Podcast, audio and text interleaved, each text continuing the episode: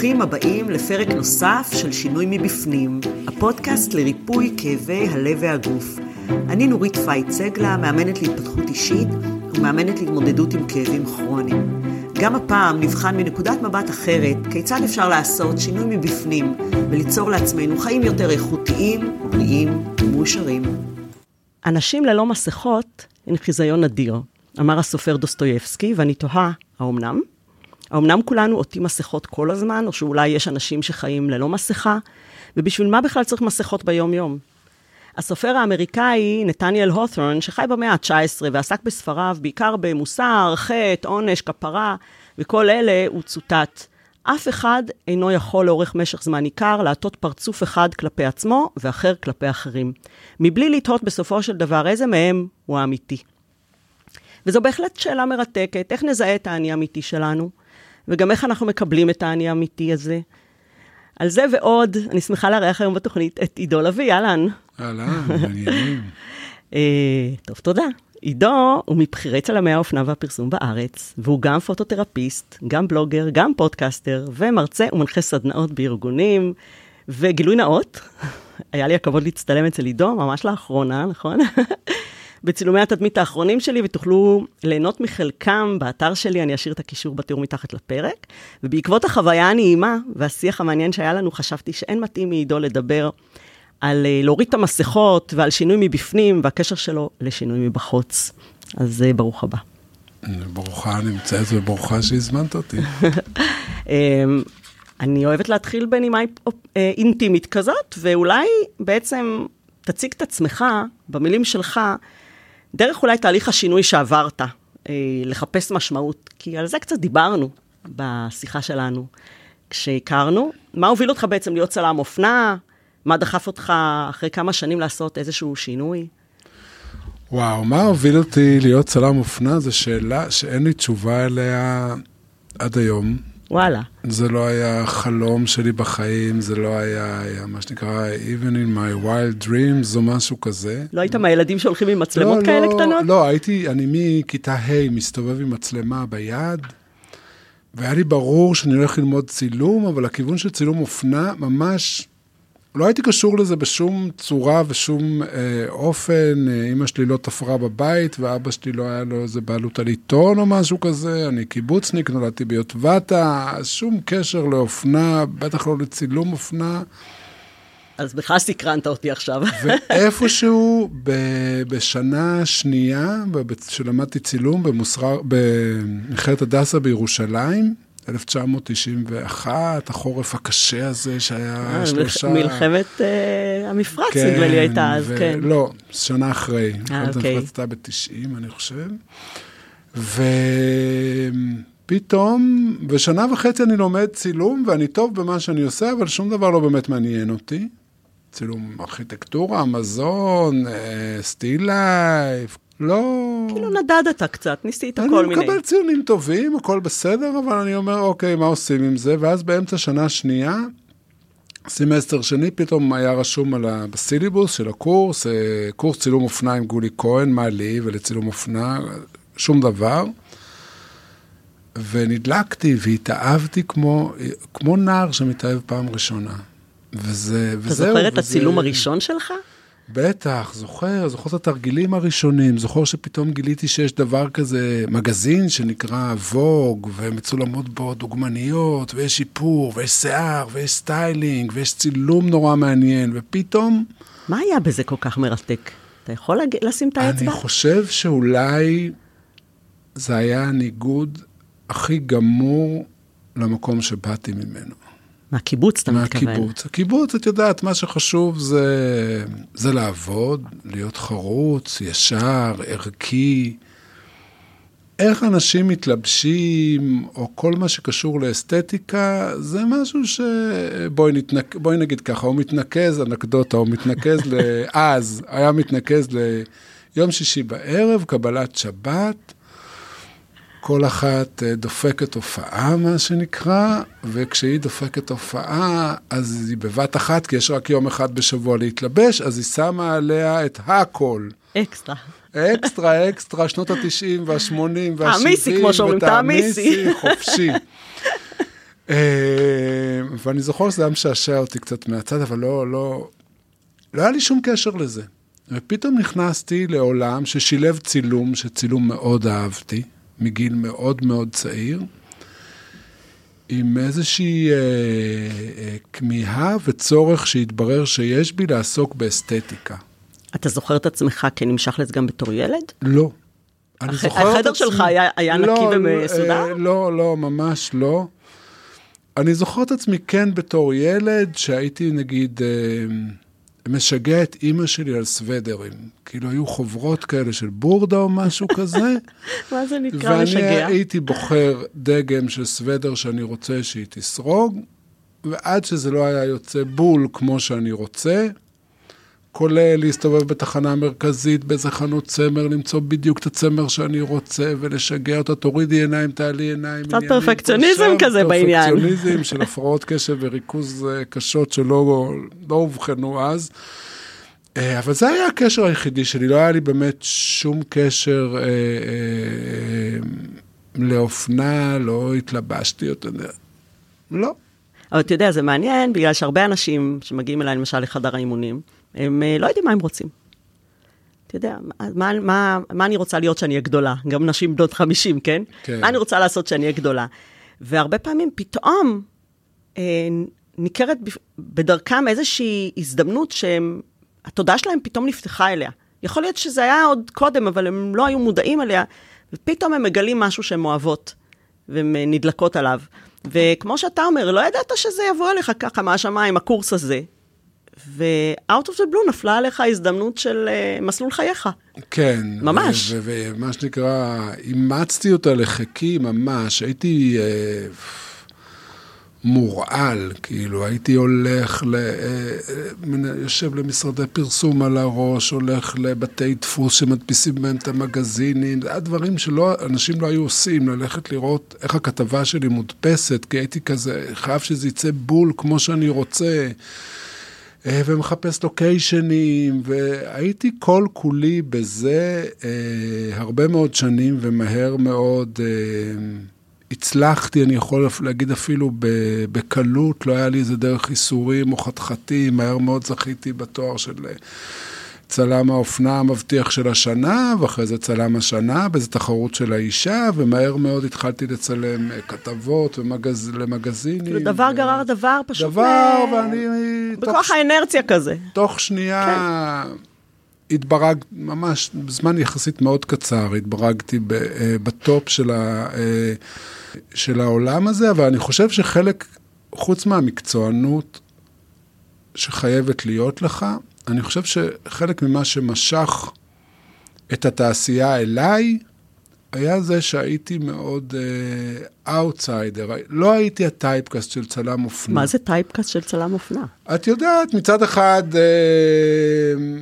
אתה עובד בעבודה הזאת עם, בעיקר עם הרבה סטייליסטים, מאפרים, מאפרות שהם gays, ולא לא הייתי בכיוון. ומצד שני, לא הייתי אחד כזה ש...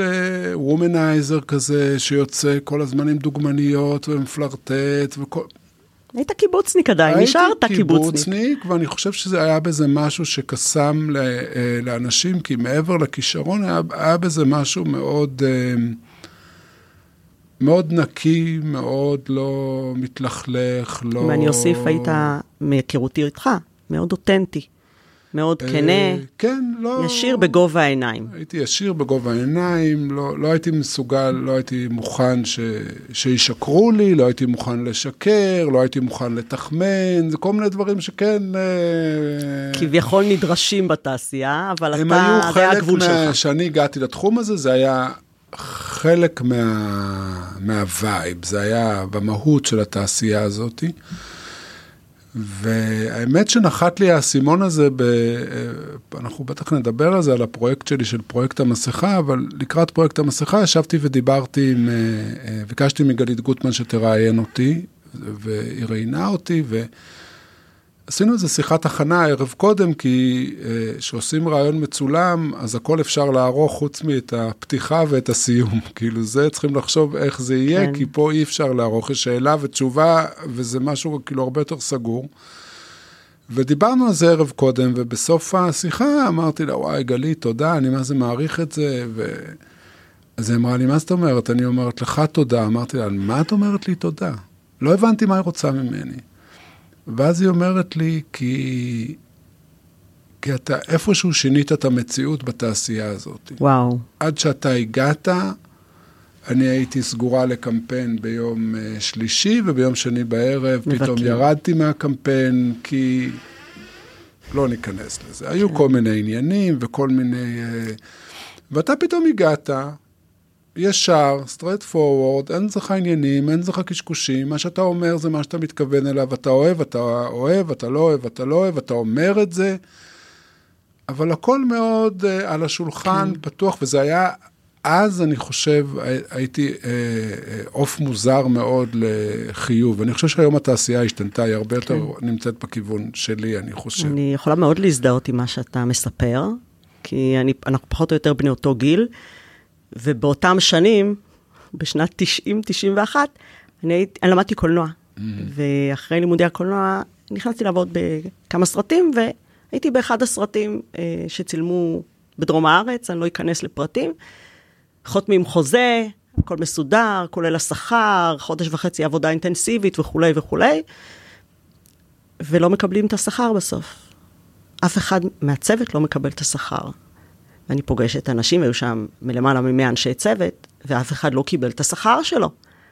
ועד שלא פניתי דרך אה, עורך דין, ששלח מכתב למשרד הפקות, כן. מה קורה עם הכסף שלי, לא חשבו אפילו שקורה ש... לא בסדר. שקורה משהו לא בסדר, אלא תגידו תודה שנתנו לכם בכלל לעבוד בתעשייה. זה היה ה vibe, אז כמו שאתה מספר, כן. זה היה ה vibe. וזה עצוב, אבל אני שמחה שאתה הצלחת לא, לעשות מאוד, שינוי. אה, אני לא, לא חשבתי על זה, האמת, שהייתי ש... אני, לא הייתי מישהו אחר. ולא, וידעו גם שאיתי לא מתעסקים. לא מתעסקים במובן הזה שלא מציעים לי... אה, מתחת לשולחן. כסף מתחת לשולחן, ולא משחדים אותי אה, סוכנויות דוגמנות. אם תיקח את, הדוג, את הדוגמנית הזאת, אז נשלם לך אחוזים מהקמפיין. אז משהו מערכי הקיבוץ הלך איתך. כן, מאוד. היושר, האמינות, כן, ה... שאני מאוד... what you see is what you get, כן, כאלה. מאוד מעריך את זה, כאילו, את הדברים האלה שכן... אבל uh, to make a long, long, long story short, באיזשהו שלב הרגשתי אבל שזה לא מספיק לי, שאני, שאני uh, אני משנה לשנה צובר יותר תסכול ויותר תסכול ויותר תסכול. תסכול בגלל מה? Uh, שאני מבין שלא, מס... איך אני אגיד את זה בצורה הכי מקברית שיכולה להיות, שאני לא, מוכ... לא, לא רוצה או לא מוכן או לא יכול אה, או לא מרגיש לי נכון, שמה שיהיה בסוף כתוב לי על הקבר זה עידו לביא צלם אופנה ופרסום. הבנתי. זה היה, היה לי משהו חסר, הרגשתי שזה אפרופו היה סביב גיל 50 פחות או יותר, שאומרים שזה גיל של ככה, של שינויים ושל... אה, לגמרי. והרגשתי ש...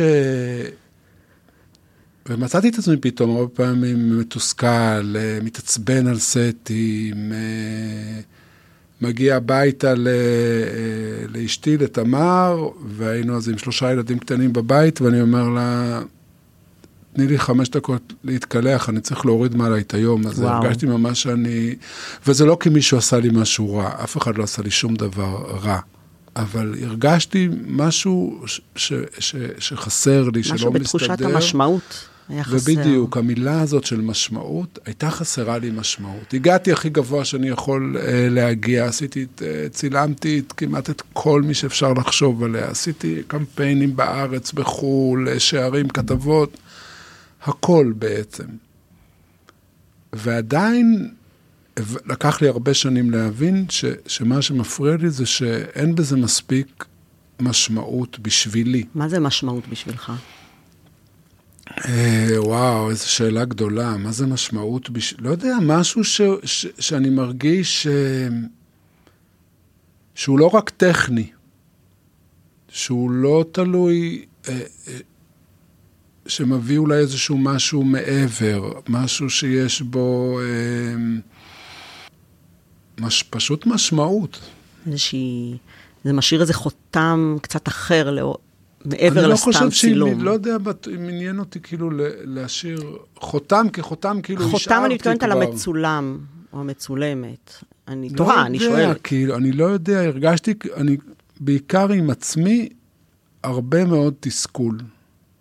אז מה, איך ו... הגעת להחליט מה צריך לעשות הלאה? אז היה מה... לי הרבה שנים ש...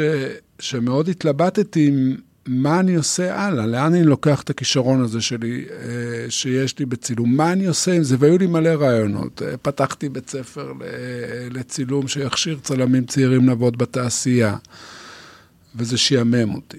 והתחלתי ללמד אה, צילום אופנה במכללת הדסה, איפה שלמדתי, וזה לא עשה לי את זה, לא נהניתי מזה, לא... וכל מיני, ובאיזשהו שלב חשבתי, אה, נסעתי אפילו לניו יורק, אה, לראות איך עובדים שם סטודיואים כדי לנסות לפתוח איזה פורמט אחר של סטודיואים להשכרה בארץ, וזה גם לא עניין אותי, ואז האמת שזה הגיע דרך אה, נסיעת רכבת, שאני מפספס את הרכבת הישירה מתל אביב לבנימינה, ואני עולה לרכבת הפרברית, ותוך כדי זה אני מדבר עם מיקי ממון, שהיא... מהטופ מודל של שנות ה-90, אבל היא נכון. גם, אה, גם יש לה חנות לווינטג' של בגדים, והיא ככה אה, דמות שהיא, שעם השנים מאוד אה, ככה התחברנו, לא רק מהכיוון של אופנה, יש, יש לנו איזה מין דיבור, יש לנו, השיחות שלנו תמיד מגיעות למקומות אחרים.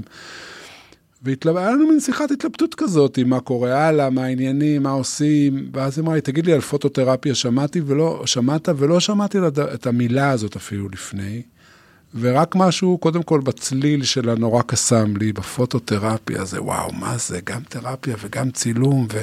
כיוון אחר לגמרי מכל מה שהתנסית. ותוך שבוע, שבועיים, כבר הייתי בוועדת קבלה ושאלתי את עצמי, מה אני מביא לוועדת קבלה הזאת, כי ביקשו להביא תיק עבודות, ומה אני אביא את התיק עבודות של הצילום שלי, זה נראה לי לא קשור בכלל לעניין. Okay. אוקיי. ומצאתי איזו סדרה ישנה שצילמתי בלימודים שלי, שצילמתי סדרה תיעודית של תינוקות, אה, בבית תינוקות ביוטבתה, שהם כבר לא בנינה משותפת. אבל... כלומר, שהיה שם איזה סיפור מאחורי כן, התמונה. כן, אבל מה שבעצם צילמתי, זה צילמתי את ה... הזיכרונות של הגוף שלי, שאני חושב, כי אין זיכרונות, כאילו אתה לא, אין זיכרונות מה, מה, מגיל, מגיל שנה, אנשים לא זוכרים מגיל שנה. אבל הגוף שלי כנראה זכר, הוא זכר כנראה הרבה מאוד לבד, הרבה מאוד בדידות, הרבה מאוד שקט. אתה הרבה... היית בבית ילדים עדיין? אני, אני רק בבית ילדים, אני תוצר הניסוי, הילדים שלי צוחקים עליי, אמא שלי כועסת עליי שאני אומר את זה. אבל אני תוצר הניסוי המאוד מוזר ותמוה הזה, שקראו לו לינה משותפת. אני נולדתי ב... אה, ביוספטל בבית חולים באילת, ושלושה ימים אחרי עברתי מבית תינוקות לבית ילדים. לא ישנתי לילה אחד בבית של ההורים שלי, ואפרופו העזתי לשאול רק בגיל 50. את אימא? לא את אימא שלי, את שלומית. ה... המטפלת המיתולוגית של בתי הילדים ביוטבתה באיזה נסיבות של... בת כיתה שלי, חברה מאוד טובה שלי שחלתה, mm-hmm. נפטרה כבר לצערי, וישבנו ליד המיטה, ואז לא היה לנו מה לעשות, כי... ובאיזשהו שלב שאלתי אותה, שלומקה, תגידי, מתי עברנו? אחרי כמה זמן עברנו מהבית חולים לבית תינוקות, שאני לא היה לי מחשבה ברורה על זה, אבל זה נע בין uh, מחשבה שזה היה איפשהו בין שבועיים לחודשיים. וואי, וואי. תחשבי, עד גיל 50 אני לא מעז לשאול את אימא שלי את השאלה הזאת, מתי, מה קרה. וגם איך זה היה לה, שזה מעניין. וכן, ו... והיא אמרה לי, מה זאת אומרת? אתם עברתם ישר מהבית חולים לבית תינוקות, וחוץ מזה קיבלתם את החינוך אה, הכי טוב שיכולתם לקבל, ושלא תעז להגיד מילה אחת רעה על זה. ואני מאוד אוהב את שלומית, ואני גם לא... היא מאוד לי... נטועה באמונה לא, שלה. לא, גם אין לי, אין לי גם שום דבר רע להגיד על זה מבחינת הזיכרונות שלי. אין לי זכרונות uh, רעים. למרות שאתה אומר שמה שהבאת לוועדת קבלה זה היה צילומים, כן. שבגוף היה אבל... זכור, זכורה שם בדידות. כן, וזה דבר הכל. שלא... שצילמתי את זה בתור סטודנט, בכלל לא הבנתי מה צילמתי. לא הייתי שם. אבל במבט שני, אחרי שנים... שפתאום כשלמדתי פוטותרפיה והתחלנו ללמוד על וויניקוט ועל uh, אימא טובה דייר כן. וחפץ מעבר וכל מיני דברים כאלה, פתאום התחלתי לשאול את עצמי שאלות, רגע, מה לא היה לי? ו... וזה היכה בי הרבה יותר שנולדו לי ילדים, שפתאום, שהילדים שלי כמובן גדלו בבית בנינה, בנינה משפחתית, מה כן, שנקרא. זה בשבילך כמעט כמו ללמוד. אה, ללמוד מההתחלה איך זה להיות, הרבה לא, יותר לא מאשר. אה, הורים רגילים, איך זה... לא, לא היה לי בעיה, כאילו, לדעת מה, עושים, אבל פתאום הבנתי מה הפסדתי, מה לא היה, מה, מה אני לא אוכל לשחזר, או מה לא יחזור אף פעם, איזה סוג של uh, אינטימיות בין הורה לילד, ש... שלא הייתה לי, וזה לא שלא היו לי הורים ש... היו לי הורים שדאגו לי ואהבו ואוהבים אותי, הם עדיין אה, חיים, על הנבא ואימא. אה, הייתה תחושה, כשהבנת את זה, הייתה תחושה של החמצה כלשהי? אה, תחושה של... של משהו שאי אפשר לתקן, אי אפשר להחזיר, אי אפשר ליצור אותו. זה, זה, זה בייסיק כזה שאו שהוא ישנו או שהוא איננו, זה לא משנה כמה שיחות נעשה עכשיו בגיל... אה, אז מעבר להבנה הזאת, איך זה גרם לך להרגיש? אה, זה גרם לי... אה, איך זה גרם לי להרגיש? קודם כל, אני זוכר לילות שלמים ש... הילדים שלי, את יודעת, את מכיר, אה, עושים פיפי בלילה במיטה, עוברים עליך כי היה לכם חלום רע, ובאיזשהו שלב אתה בשלוש בבוקר מתעורר ושם אותם חזרה על הידיים, מנסה להשכיב אותם חזרה במיטה, ואני זוכר את, אה, אני זוכר את עצמי הולך במסדרון הזה מהחדר שינה שלנו, של ההורים, לחדר ילדים, עם ילד על הידיים, ושואל את עצמי מה היה.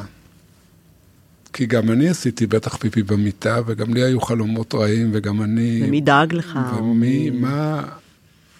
לא מי דאג לי, דו, לא דאגו לי, כאילו, היה שומרת לילה וזה, לא היה שום סכנה, אה, לא היה לי שום סכנה בריאותית. תודה לאל, אתה בריא פה, יושב בריא לא, ושלם, לא, כן. לא, פחד, לא, כן. היה סכנה שיקרה לי משהו פיזית. אבל אה, זה סיפור לא טבעי, לא, לא מובן, איזשהו פרק אה, שחוקרים אותו אה, המון, אבל הוא, הוא חלק מה... הוא חלק ממי שאני, כאילו, אני לא... אז ברגע שהתחלת בעצם את הפוטותרפיה, הבנת שזה האלמנט שהיה חסר לך? פתאום התאהבתי עוד פעם. פתאום קרה לי משהו, כמו שהייתי אז בצילום אופנה בשנה ב', כולי הייתי בזה, פתאום כולי הייתי בזה. שלוש שנים, טוטאלי. אני לומד, אני קורא רק ספרי פסיכולוגיה, וויניקוט וביון ופרויד ומלני קליין, פשוט ספרים על ספרים אני קורא, כי זה נורא מעניין אותי, ונורא מעניין אותי הטיפולים, ונורא מעניין, הפרקטיקום, ונורא מעניין אותי ה... הלימודים עצמם והשיחות תוך כדי הלימודים, פת... נורא עניין אותי, פתאום מצאתי משמעות כאילו למה שאני עושה, לקחת את הכלי הזה שאני מאוד אוהב, צילום, ולהשתמש... בתור כלי טיפולי, והוא היה אתה, בשבילי... איך אתה, מה אתה עושה עם זה באמת היום, למשל? תן דוגמה. היום אה, אני עובד עם זה בשני, בשני אה, מישורים. אחד, אני עושה סדנאות לשני הקצוות, גם לגיל השלישי, מעניין, הם משתפים פעולה? אה, מאוד, מאוד, כן. מאוד, מאוד, מאוד, זה מאוד עוצמתי, זה מאוד חזק, הם מאוד, אה, יש בזה משהו שמוריד הרבה מאוד חסמים ומאפשר להם דווקא אה, אה, תקשורת ולדבר על דברים שאולי קשה להם לדבר באופן אחר. והצד השני, אני עובד ממש עם אה, בני נוער, עם אה, נערות הרבה פעמים בבתי ספר. אה, שאנחנו עוברים איזה סדרת מפגשים שדרכה אנחנו קצת אה, מנסים, אה, לא יודע אם העצמה זה המילה הנכונה, אבל אנחנו מנסים לחזק את עצמנו קצת, לראות את עצמנו, להתבונן על עצמנו בצורה אולי יותר מטיבה, אולי יותר מודעת. שזה בעצם, אולי במילה תגיד למי שלא מבין מה זה פוטותרפיה. פוטותרפיה מתייחס לצילום ככלי טיפולי. כמו שיש ביבליותרפיה, ויש טיפול באומנות, וטיפול במוזיקה, ויש כל מיני, פה מתייחסים לצילום כלומר, ככלי הטיפולי. לוקחים צילומים ובעזרתם... עכשיו, פה זה מתחלק ל-as therapy ו-in therapy. as therapy זה שבמהלך הטיפול אה, נעשה צילום פעיל. זאת אומרת שהוא המטופל או קבוצת המטופלים ממש מצלמים במהלך הטיפול ונעשית עבודה עם התוצרים של זה. mm. תרפי, uh, שזה מה שנקרא הענף השני שעליו יושבת הפוטותרפיה, זה שמביאים לסשן הטיפולי חומרים צילומיים שיכולים להיות או קשורים למטופל, אבל לא, לא צולמו עכשיו, לדוגמה, האלבום המשפחתי שלו, ששם יש... Uh, אוצרות. אוצרות, חבל על הזמן. מי עמד ליד מי, מי לא, את מי הכריחו לחייך, את מי לפעמים אה, גזרו מהאלבום, כי היו גירושים, וכל מיני, יש כל מיני דברים באלבומים המשפחתיים. אה, ומצד שני, זה גם יכול להיות חומרים, אה, דימויים או תמונות, אימג'ים של... שלא שייכים למטופל בכלל, הוא לא מכיר גור... אותם אבל לפני, אבל הם איזשהו טריגר, כן, כן. חומר השלכתי שדרכו הוא יכול להתבטא בצורה, אה, זה מאפשר לו בעצם. כן. אפרופו ילדים, הרבה פעמים שהעניין הוורבלי אצלהם, או, או לשלוף דברים מהנפש הוא יותר קשה, דרך, ברגע שהם מתייחסים אה, לצילומים, לדימויים, לתמונות, אפשר פתאום יותר להבין מה... והצד השני בכלל שאני עובד איתו, זה לקחתי את זה לכיוון של עבודה בארגונים. זה מעניין. איך, מה עושים עם זה בארגונים? בארגונים פיתחתי מודל שקוראים לו חמישה קליקים לפתרון. שהמודל הזה בעצם מציע אה, אופן הסתכלות אחרת על אתגרים שיש לנו בחיים. אני אומר להם, אני אומר, יש לנו איזשהו אתגר שאנחנו רוצים להתעסק איתו, הוא יכול להיות אישי, הוא יכול להיות בעבודה, הוא יכול להיות קשור ל-work-life balance, לדוגמה, לאיזון הזה בין בית לעבודה.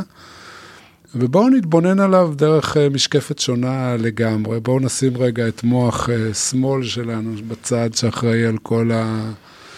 היגיון, כן. לוגיקה, טבלות אקסל, שהכל יהיה מסודר ורשום, ובואו נתעסק קצת יותר עם מוח ימין, שאחראי על התת-מודע ועל התשוקות ועל היצרים ועל... ועל היצירתיות. והיצירתיות, ששם בעצם מתחוללים העניינים. שם יש גם מה שמעיף אותנו ולפעמים גם תוקע אותנו. נכון. והמודל הזה בנוי על אה, חמישה שלבים.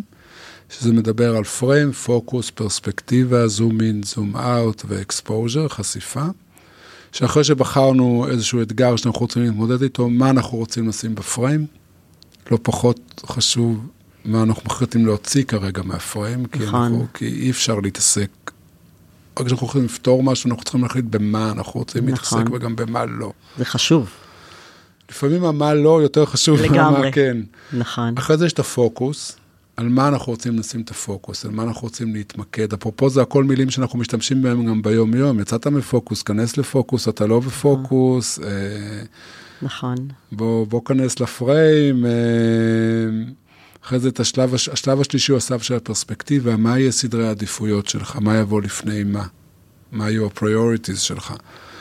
אה, שזה גם, הרבה פעמים אנחנו נוטים להעריך, אנחנו אומרים, הוא, הוא יש לו פרספקטיבה על הדברים. הוא, יש לו יכולת להסתכל בצורה פרספקטיבית על מה זה אומר, שהוא מסוגל להבין את הסדרי העדיפויות, מה יבוא לפני מה ומה יוביל אותנו יותר טוב לקראת המטרה שלנו. השלב הרביעי הוא הזום אין והזום אאוט. איפה בתוך התהליך שלנו, בתוך האתגר, אנחנו צריכים איזושהי ירידה לפרטים, מאוד מדוקדקת, ולפעמים דווקא אנחנו צריכים את הזום אאוט, את ההסתכלות מבט מלמעלה, כאילו, כדי להבין את התמונה היותר גדולה. מעניין. והשלב האחרון, שהוא כמעט אולי הכי משמעותי, אקספוז'ר, אה, חשיפה בצילום מורכבת משני דברים, מצמצם ותריס, כמה אור נכנס בכמה זמן. ולצורך המודל הזה, את מי אני צריך? כדי להגיע ל... שזה האור כביכול. כן, שזה הצמצם נגיד, את מי אני צריך, ותוך כמה זמן אני חושב שאני יכול להגיע לאיזשהו פתרון או להתמודדות. כלומר, לראות אם אפשר לשים את זה בלוח זמנים כן, כלשהו. כן, שבסוף אנחנו חייבים לשים את זה באיזשהו time framing. framing, עוד פעם מכניסים כן. את זה פה, את המילה הזאת, כן. כמה זמן זה אמור לקחת? עכשיו, לפעמים גם מישהו יכול להגיד לי, תקשיב, המטרה שלי או האתגר שלי בחיים is to be a better person, ואז רק הוא מעורב בזה, וזה for lifetime, שזה גם כן. בסדר. אבל הרבה פעמים שאנשים יש אתגרים יותר ספציפיים, בטח בארגונים, בעבודה, חשוב להגיד את מי אני חושב שאני צריך. אני צריך מי הצוות את... שלי? הצוות שלי, אני mm-hmm. צריך רק את הצוות, אני צריך את ה-HR, אני צריך לקבל עזרה מבחוץ אולי, שלא נמצאת בתוך הארגון שלי. וכמה זמן אני נותן לזה? זה לוקח חודש, זה לוקח שלושה חודשים, זה... כדי שיהיה לי בסוף איזשהו, נכון. לא אוהב להגיד דדליין, אבל איזשהו מטרה לפחות, מתי אני חושב. מעניין. אז זה, כן, כן. אז זה אני עובד הרבה בארגונים עם, הסד... עם הסדנה הזאת. אנחנו רואים שבעצם אה, צילום, בכל מיני דרכים, הוא בעצם מחולל שינוי. מחולל שינוי, אה, כן, לבלוג. גם ברמה האישית, כן. וגם ברמה הארגונית, נקרא לזה. אמ, אבל האמת היא שחלק ממה שרציתי לדבר איתך היום, זה גם על כל הנושא של uh, מסכה. כשאני uh, באה להצטלם, אז אני שמה על עצמי בגדים, שהם בדרך כלל לא הבגדים שאני הולכת איתם כל יום, וטונות של איפור. ו... לא. כזה טונות, אל תגזימי. לא, יחסית לעצמי. Um, ו... תראה, חפצים מסוימים ו... וכל מיני כאלה דברים. אז uh, צילום זה סוג של... Uh, מנציח uh, מסכה מסוימת.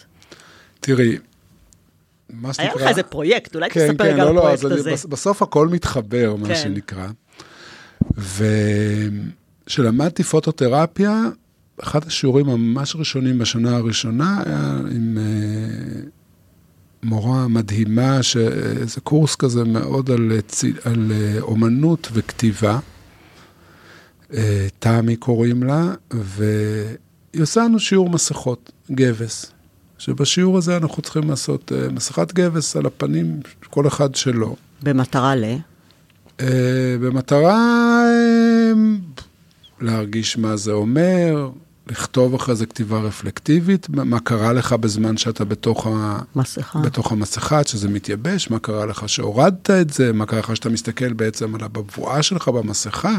מסתכל על עצמך, כאילו, אתה יכול להסתכל גם על עצמך מבפנים, כאילו קרקפו אותך באיזשהו אופן. כן. ואני מתנדב ראשון לעשות את המסכה. אין לי בעיה, מה, אני קיבוצניק וזה, ופה ושם, ואין לי שום בעיה לעשות מסכה, קטן עליי.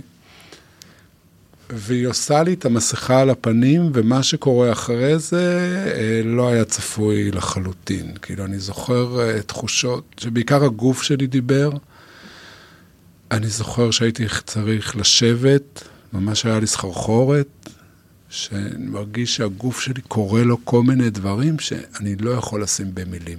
קורה לי משהו עכשיו, הוא משמעותי, הוא לא איזוטרי, הוא רציני, הוא, אה, הוא קורה לי בגוף, ואני לא יודע, אני לא יודע להגיד מה קרה לי עכשיו. מה, הרגשת קיבוץ, הרגשת רעד, הרגשת... הרגשתי כל מיני, הרגשתי התרגשות, הרגשתי בחילה, הרגשתי חוסר אוריינטציה, הרגשתי שאני צריך לשבת, הרגשתי מלא דברים בגוף, לא. הרגשתי שמתערבבת לי הבטן, הרגשתי שאני... אה, כי מה היה שם? מה, מה המסכה הזאת אה, בעצם אני... עושה? תשמעי, המסכה הזאת באופן פרדוקסלי, אה, פתאום בחלל שאתה עם עוד אנשים, מנתקת אותך באיזשהו אופן מהעולם, מאפשרת לך איזה מין אה, התכנסות וריכוז פנימי כזה, למרות שאתה שומע, כאילו, אתה... זה כמו לשים שמיכה על הראש. כן, אבל זה, זה צמוד לך על הפנים, יש בזה גם משהו, אותי לא, אבל הרבה אנשים, גם יש בזה משהו קצת מלחיץ, קלסטרופובי קצת. ואני כאילו יוצא משם בהבנה מאוד ברורה, שהפוטותרפיה והמסכה הזאתי והעולם שאני בא ממנו, של צילום אופנה, הולכים להתחבר עכשיו ביחד, ואני לא כל כך יודע איך זה הולך להיות. לא יודע מה, אבל ברור לי שאני הולך לעשות עם זה משהו. ועוברות עוברת איזה שנה או משהו כזה, עד שאני מתחיל אה, להתגבש על עצמי, מה אני רוצה לעשות עם זה. ואז במשך uh, קרוב לשנתיים, בין 2017 ל-2019, אני מרים טלפון ל-32 uh, נשים שמטבע הדברים הכרתי אותן בתור דוגמניות, אבל הן לא רק היום דוגמניות, לדוגמה אה, גלית גוטמן, או אגם רוטברג, או טהוניה, או אילנה שושן, או שירלי בוגנים, או שלי גפני, או יעל רייך, מיקי ממון, הרבה מאוד דמויות מהתעשייה הזאת שאני עובד איתן, והיה לי איתן קשר. אה, שהרגשתי שאני אה, יכול להיות מספיק אמיץ כדי לבקש מהם, להרים להם את הטלפון ולהגיד להם, אהלן, מה העניינים? יש לי פרויקט חדש. אם את מסכימה, אני רוצה שתבואי אליי לסטודיו, אה, עם בגדים שחורים, שיער אסוף, בלי איפור, אני אעשה לך מסכת גבס על הפנים, ואני אצלם אותך, ככה. ואחר כך? קודם כל, את צריך לקבל את ההסכמה שזה הופתע, יקרה. הופתעת שהם הסכימו? אה, רובן ככולם הסכימו, קיבלתי אולי לא אחד או שתיים. זה הפתיע אותך שהסכימו? ציפית כן, לדחייה? לא, לא ציפיתי לדחייה, אבל זה משהו... לא שהם ידחו אותי, אבל שהם אולי ידחו את הרעיון, כי ברעיון כן, אני בא ומבקש מהם בעצם לוותר על כל מה שיש להם, על הפנים שלהם. לוותר על המסכה, שזה מצחיק, כי כאילו... כן, זה כאילו... הן ואני, באות בלי המסכה שכולם אתם, מכירים אותה. אני שם לך עכשיו מסכת גבס על הפנים. כל מה שכולם יודעים על גלית גוטמן, וכל מה שאת יודעת על עצמך, לא כל, אבל הרבה מאוד, זה בזכות זה שמכירים את הפנים שלך. נכון. מישהו מכיר אותך, הוא כבר יש לו איזושהי פיקסציה. מי את? יש לו מחשבות, הוא יודע, הוא ראה אותך. כבר שיפוטי עליה בצורה כן, הוא ראה אותך מצטלמת, הוא ראה אותך מדגמנת, הוא ראה אותך מראיינת, הוא, אבל זה דרך הפנים. תמיד הפנים שלך הם הפרונט, הפנים שלך גם הם אלה שנתנו לך בהתחלה בכלל את, ה, את הפרסום, את נכון. התהילה, הם, הם, הפנים שלך. זה, זה המיצג שלך. זה המיצג שלך, אבל ביג טיים, הפנים שלנו זה, כל אחד מאיתנו, הפנים שלו הוא המיצ, נכון. המיצג שלו. ופה אתה בא ומסתיר. פה אני אומר, רגע, בואי נגלה בעצם, לא נגלה, בואי נבחן איזה אנרגיה אחרת, איזה אנרגיה יש בך, שהיא לא סך כל הפנים היפות שלך. כי הרי זה לא רק הפנים, אם היית סתם פנים יפות, לא היית מצליחה להיות, אה, לא יודע מה, שחקנית, נכון. מעצבת פנים, סטייליסטית מוכשרת, אה, אה שחקנית, כל נכון. מיני דברים. אני אומרת שאנחנו גדולים מסך חלקינו. כן, אבל מה, מה יש שם? והרגשתי שאני חייב לעשות איזה שאט דאון לדבר אחד, שנקרא הפנים שלך, כדי שנעבור איזשהו מסע ביחד, שיאפשר אולי למשהו אחר לצאת. מעניין. אה, והם הסכימו, הם פשוט הסכימו, והם הגיעו אליי לסטודיו אחת, היו כאלה שאמרו לי, כן, בטח, ובאותו שבוע כבר קבענו, והיו כאלה שאמרו לי, כן, בטח, ולקח לזה שנה לקרוא. אה, אני קצת משווה את זה, זה לא היה פרויקט טיפולי, אבל היו בו המון אלמנטים טיפוליים. קודם כל היה setting קבוע, אה, זאת אומרת, זה תמיד היה בסטודיו שלי, זה תמיד היה אחד על אחד, היה אה, סדר דברים מאוד קבוע, אה, מה קורה, ו... אבל מצד שני לא טיפלתי בהם, אני לא, זה לא היה אה, טיפול, אבל עלו אבל שם... אבל דברים קרו.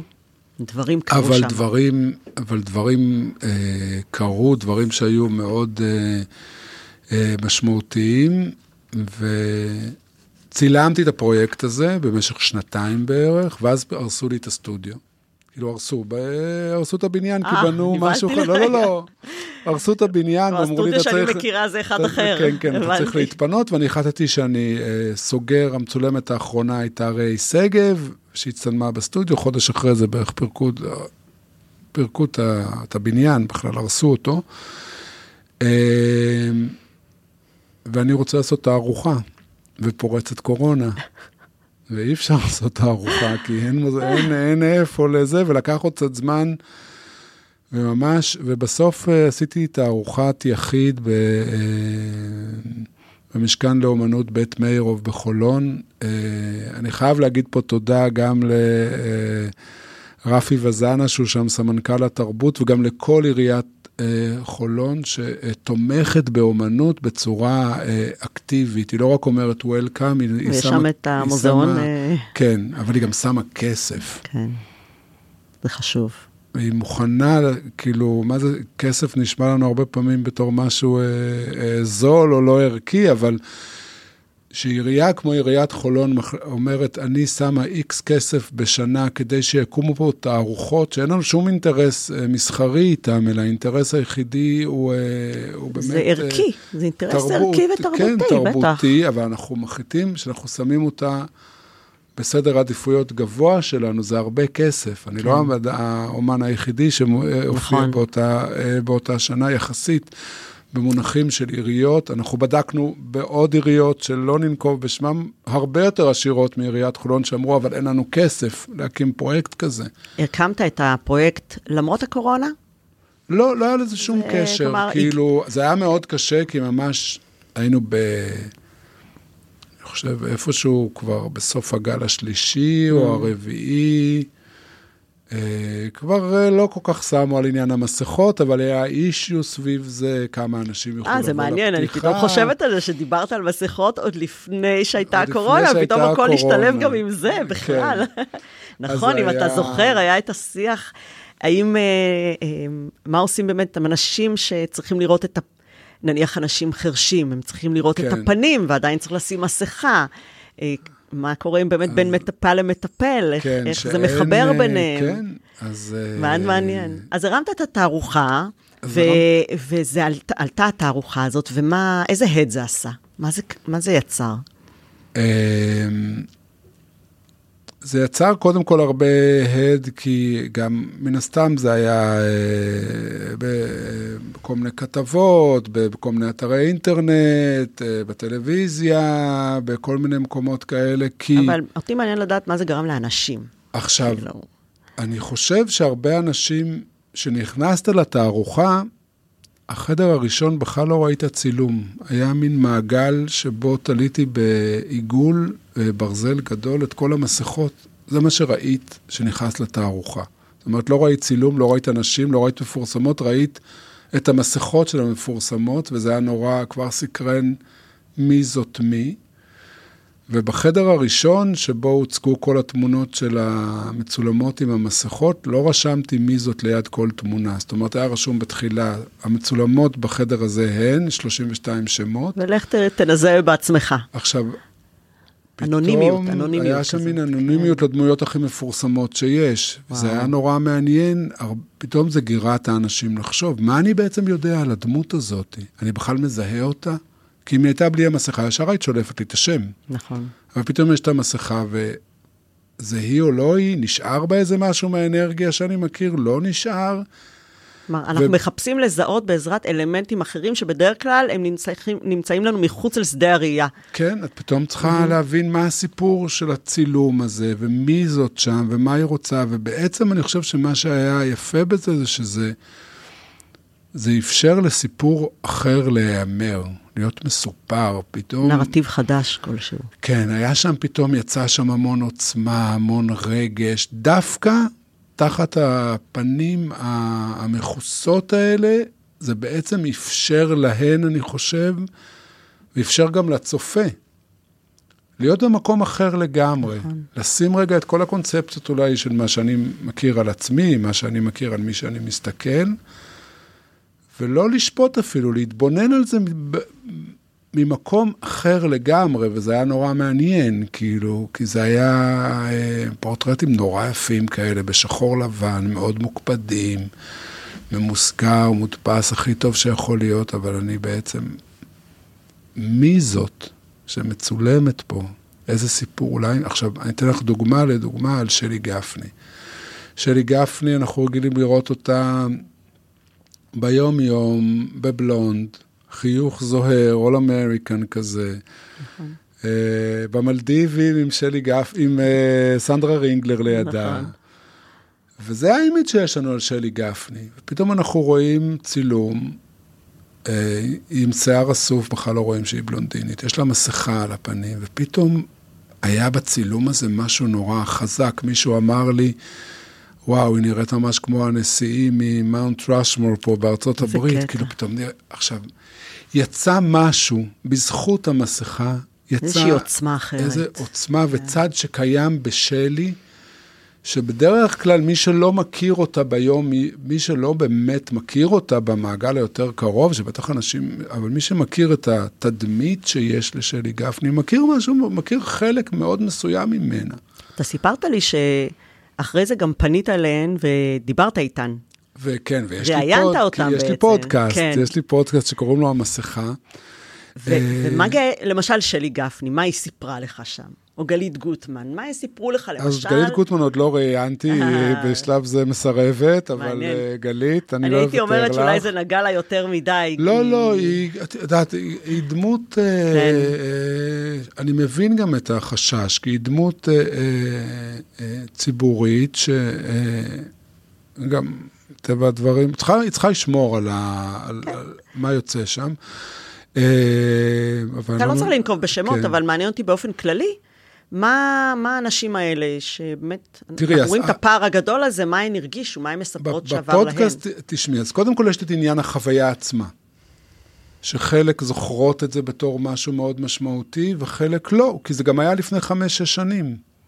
אז מה שבעיניי היה פרויקט מאוד עוצמתי, לא תמיד בשביל, בהכרח בשבילהם נותר בזיכרון שלהם או בחוויה שלהם.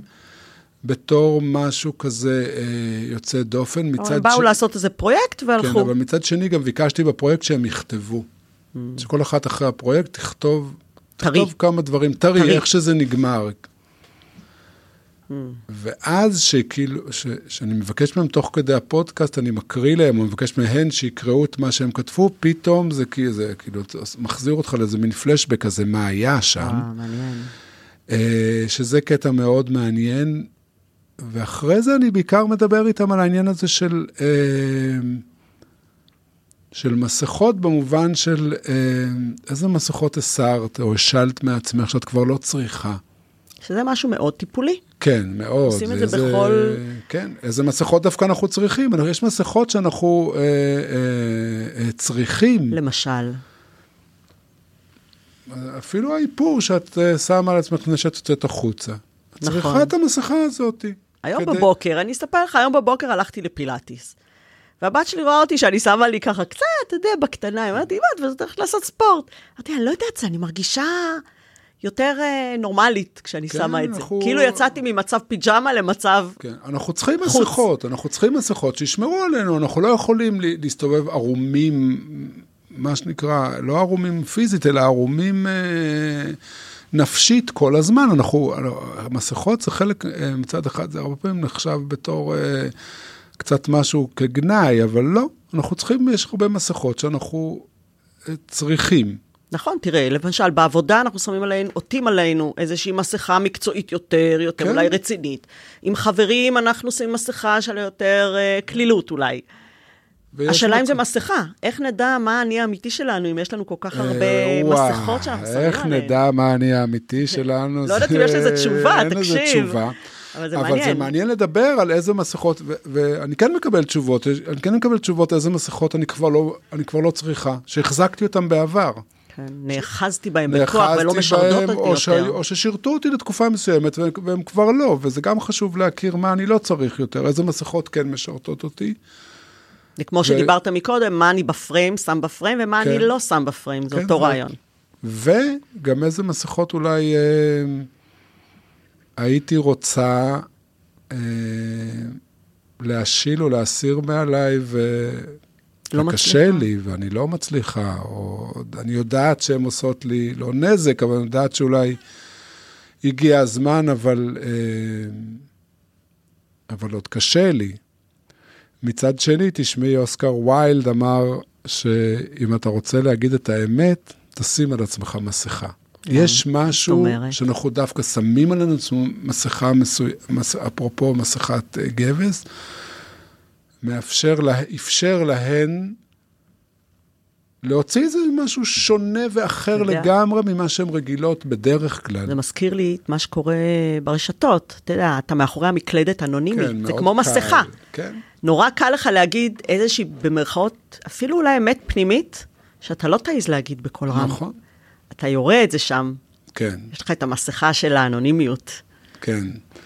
ואז מסכות, תראי, גם יונג, הפסיכואנליטיקן, דיבר... אה, המושג פרסונה, הוא, המשמעות המילולית שלו זה מסכה.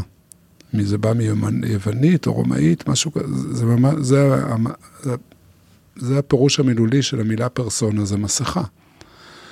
והוא דיבר על זה שאחד מחמשת הארכיטיפים המרכזיים בהתפתחות של כל אדם הוא עניין הפרסונה, הוא עניין המסכה. איזה מסכה, מה שדיברנו עכשיו, איזה מסכות אנחנו צריכים, איזה מסכות אנחנו אה, יכולים להשיל כבר, כי מסכה יש, היא, היא, היא חלק אינטגרטיבי, אני חושב, מההתנהלות היומיומית שלנו. זה גם מעניין, אה, האם יש מסכות, האם זה מסכות שאנחנו בוחרים לשים, או שזה מסכות שאנחנו לא מצליחים, זה, זה משהו שהוא לא בשליטה, שאנחנו שמים את המסכות. אני לא יודעת אם יש לזה תשובה. לא, אין לזה תשובה, אבל אני אה, חושב שמה שיונג אומר זה, זה מודעות. זה כמה שיותר נהיה מודעים לאיזה מסכות משרתות אותנו ולא, ו, ואיזה לא, נוכל להתחיל לעשות עם זה עבודה. כן. יכול להיות שלא נצליח להוריד את כולם, סביר להניח שלא נצליח להוריד את כולם. כמו שאמרת כי... קודם, גם אולי לא צריך להוריד את לא, כולם. ו... עם אלה שאני רוצה להוריד. כן. יכול להיות שלא נצליח להוריד את כל המסכות. ויש מסכות שכן נצליח להוריד, ויש מסכות שנבין שהן עוזרות לנו, וזה... בסוף אנחנו אה, חותרים, אני חושב, לאיזושהי אינטגר... כאילו אינטגרציה עם עצמנו, איכשהו לנסות לשלב בין כל הצדדים הפחות טובים, היותר טובים, מי שאנחנו מתביישים בהם, אנחנו מתגאים בהם, המוצלחים והפחות מוצלחים.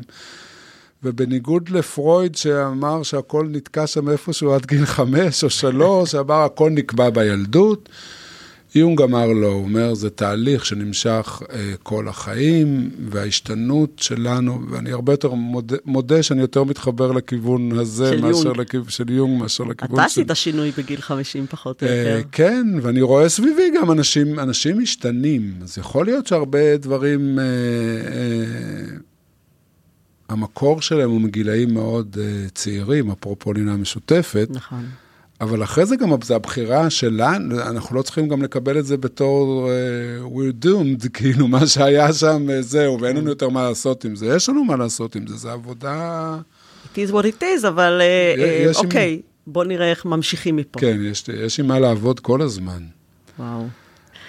מעניין. כן, המסכות זה עניין שאותי אין, זה, זה, מה, זה, זה פתאום קורה לך, דיברנו על זה בתחילת השיחה, פתאום קורה לך משהו בחיים שאתה לא מצפה לו, והוא מחולל בך איזשהו שינוי מאוד מאוד מאוד עמוק. נכון. אני רואה את זה גם בחדר האימונים, שפתאום סתם מגיעים לאחת השיחות, ומשהו, איזשהו משפט או שאלה שפתאום נשאלת, שפתאום משהו קורה למתאמנת שמולי, וכאילו היא עוברת איזה סוויץ'. כן, פתאום זה אפשר לה את קפיצת המדרגה בדיוק, הזאת. ממש. בדיוק, כן. וזה נורא נורא מרגש לדעתי. אתה לא תאמין, אנחנו צריכים כבר תכף מה, לסיים. לא זה, נכון, כן. וואה, זה היה זריז. זה היה זריז, כי היה נורא נורא מעניין. אה, דיברנו פה על המון דברים, באמת, אה, גם על, אה, על מה שאתה עברת, כן. וגם על איך אפשר לעזור לא רק בחיים האישיים, גם לארגונים, כל הנושא של לשים מסכה, לא לשים מסכה, החשיפה שלנו, אה, עד כמה אנחנו מרשים לעצמנו להיחשף, עד כמה לא. אז אני מקווה שאנשים אה, ייקחו מפה באמת אה, ככה מחשבה על נושא המסכות בחיים שלהם, אתה יודע. כן. כן, דרך אגב, שאלה לפני שאנחנו ככה כן. סוגרים, מעניין אותי לדעת, אתה הרי עדיין ממשיך לצלם גם uh, צילומי תדמית, כמו שעשית איתי, וצילומי אופנה, זה לא שזנחת את זה לגמרי. אתה מרגיש שהיום אתה בצילומים אחד על אחד שאתה עושה, אתה יותר מכניס פוטותרפיה בלי שאתה ברור, ככה מתכוון? ברור, אני לא אותו בן אדם, אני לא אותו בן אדם. כאילו, בכל הגישה שלי ל... בכלל, שאני אני מודה שפעם, לצד זה שהייתי... אה, חס וחלילה, לא פגעתי אף פעם בעוד, באף מצולמת שלי, אני מקווה, ולא אה, דיברתי לה לא יפה, או לא עשיתי, חס, בטח לא שום דבר שקשור להטרדה או משהו כזה. אה, ואני חייב להגיד שהרבה מאוד שנים זה ממש לא עניין אותי. כאילו, מה לא עניין אותך? מי... מי נמצאת שם? מי נמצאת שם, נגיד הייתי מצלם דוגמנית מחו"ל, היה לנו איזשהו קונספט של אה, איפור שיער, סטיילינג, בגדים. לא הייתי שואל אותה מאיפה היא באה, איפה היא גרה, מה היא... לא, זה לא היה טכני. לא הייתי מנהל איתה אהמ. שום small talk או משהו כזה, כלום, הייתי מצלם, מוציא תוצאה מאוד יפה, ו... וזהו, לא אכפת לי בכלל מה... והיום? והיום זה מה שאכפת לי קודם כל. זאת אומרת, אני קודם כל אצור גם, את היית אצלי כאילו נכון. ב, בצילומי תדמית, אבל הרבה, אני, מעניין אותי לדעת את מי אני מצלם, לד, באמת לדבר איתה, לשוחח איתה, להבין, נכון, הייתה רק- לנו שיחה בטלפון כן, לפני, גם- שאלת אבל- שאלות. וגם בצילומים עצמם, לא רק, אה, אוקיי, מה את צריכה עכשיו, אלא פתאום אני יכול לגלוש לאיזו שיחה של מה את עושה שבכלל, היא לא קשורה לצילומים, והיא לא קשורה לתוצאה שלהם, היא קשורה כי, כי, כי הבן אדם שמולי מעניין אותי. ככה הגעת לפה, לפודקאסט. כן. היה לנו התעניינות הדדית. מה שנקרא, יש את המושג הזה שנקרא serendipity, עליו, אז כן. הנה, כאילו נפגשנו לצורך אחד, ואנחנו פה היום אה, בסיטואציה, בפודקאסט ש... לא ידעתי בכלל שאת עושה פודקאסט שצילמתי אותך, זה עלה תוך כדי, זה עלה, זה משהו ש... אז, אז אנשים, וגם כשאני מצלם היום אה, דוגמניות או טאלנטים או משהו כזה, מעניין אותי מי, מי את, וגם אכפת לי, כאילו, הרבה יותר, אה, אבל גם מעניין אותי גם לדבר איתם, מי אתם, מה... הפוטותרפיה עשתה אצלך איזשהו שינוי ב- ביג- בהתייחסות שלך לעולם, טיים, לאנשים, ל... והיא גם גרמה לי להיות פחות מתוסכל מהצילומים, כי קודם, שזה היה רק טכני, הייתי, זה היה בסיס התסכול שלו, שוב, חוזרים למשמעות, כן. לא היה בזה שום משמעות. אתה יודע, זה, זה באמת אה, מאפשר אולי לאנשים פה שהם חיים במקצוע מסוים ומרגישים שהם צריכים לעשות שינוי בגיל מסוים. זה לא אומר שאתם חייבים לעזוב את המקצוע, אלא להכניס לו איזשהו סוויץ' הרבה פעמים. איזושהי תוספת, למצוא כן. את הדבר הנוסף ש... שתוכלו לה... להעלות את זה מדרגה, כמו שאומרים, בדיוק כמו שאתה עשית עם עצמך. אני חושב עכשיו, קצת מתקשר לי לאיזה מודל, לא שלי, של גבריאל רהט, שפיתח איזשהו מודל אה, על ראייה. והוא אומר שבשפה העברית יש בעצם אה, ארבע מילים שמתארות ראייה. יש הסתכלות, התבוננות, הבטה, אה. התבוננות וראייה.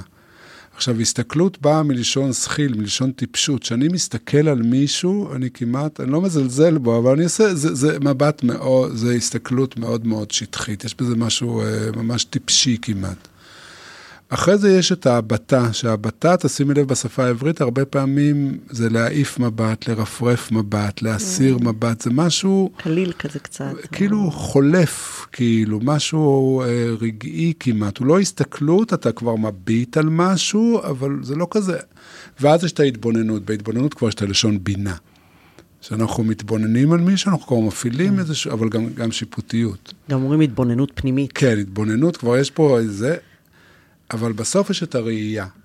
והראייה זה, אמנם זה גם הפועל של, גם החוש של לראות, אבל בסוף, כשהוא מדבר על הראייה, זה הצורך הבסיסי של כל אחד מאיתנו שיראו אותו. נכון. אני לא רוצה שיסתכלו עליי, אני לא רוצה שיביטו בי, אני לא רוצה שיתבננו בי, אני רוצה שמי שקרוב אליי יראה אותי. אני לא שקוף. כן, אבל יראה אותי באמת.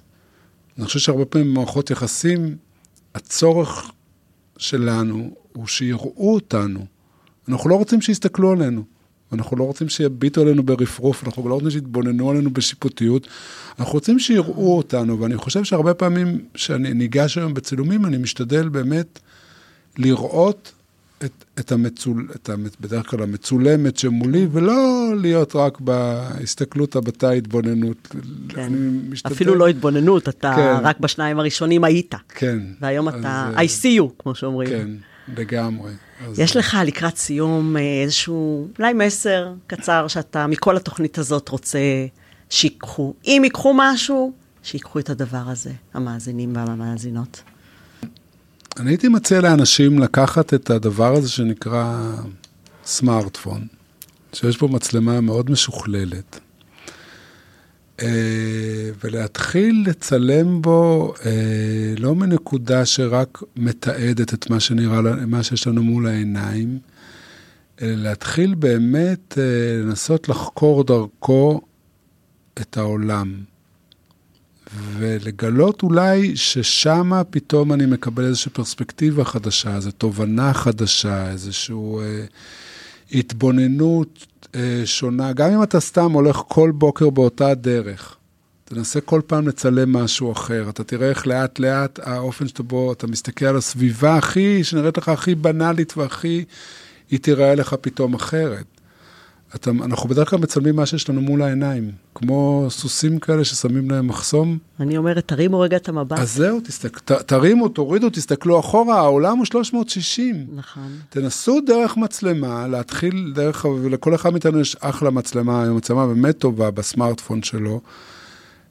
אה, להתחיל להיות יותר, להתבונן על העולם ממקום אחר, שאתם תראו שלאט לאט מתחיל להיות איזשהו תהליך שמאפשר לכם אה, אה, ראייה שונה של המציאות, שהמציאות היא לא, היא לא חייבת להיות...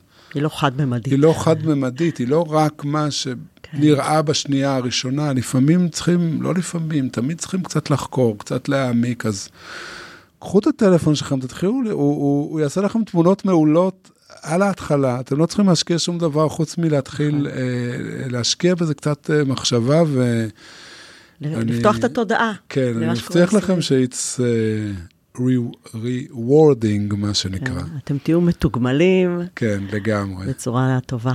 יופי, וואו, תודה רבה. תודה לך שהזמנת אותי, איזה כן, כיף. ממש היה מעניין, תקשיב. נורא נהנה, למדתי המון דברים חדשים. אז תודה שהתארחת פה, שהבאת לנו את ה... ש... קודם כל הסכמת לשתף דברים אישיים, וגם שהרחבת לנו את הידע המקצועי. אה, אני מציינת שהפרק הוקלט באולפני ספריית בית אריאלה בתל אביב, ואם היה לך מעניין ואהבתם את הפרק, אז כמובן תדרגו אותו במיליון, במיליון כוכבים, ואל תשכחו להירשם לפודקאסט, אה, ותשתפו אותו, תעזרו לתפוצה שלו להגיע ליותר אנשים. אני אשאיר אה, את הפרטים של אה, עידו מתחת לפרק בתיאור, אם תרצו ליצור את הקשר, אז באהבה. ואתם גם מוזמנים להמשיך ולעקוב אחרי התכנים שלי דרך הלינקים הנוספים שמצורפים גם הם בתיאור של הפרק. וזהו, תודה שהאזנתם, ונשתמע בפרק הבא, ביי ביי. ביי, תודה שהזמנת אותי.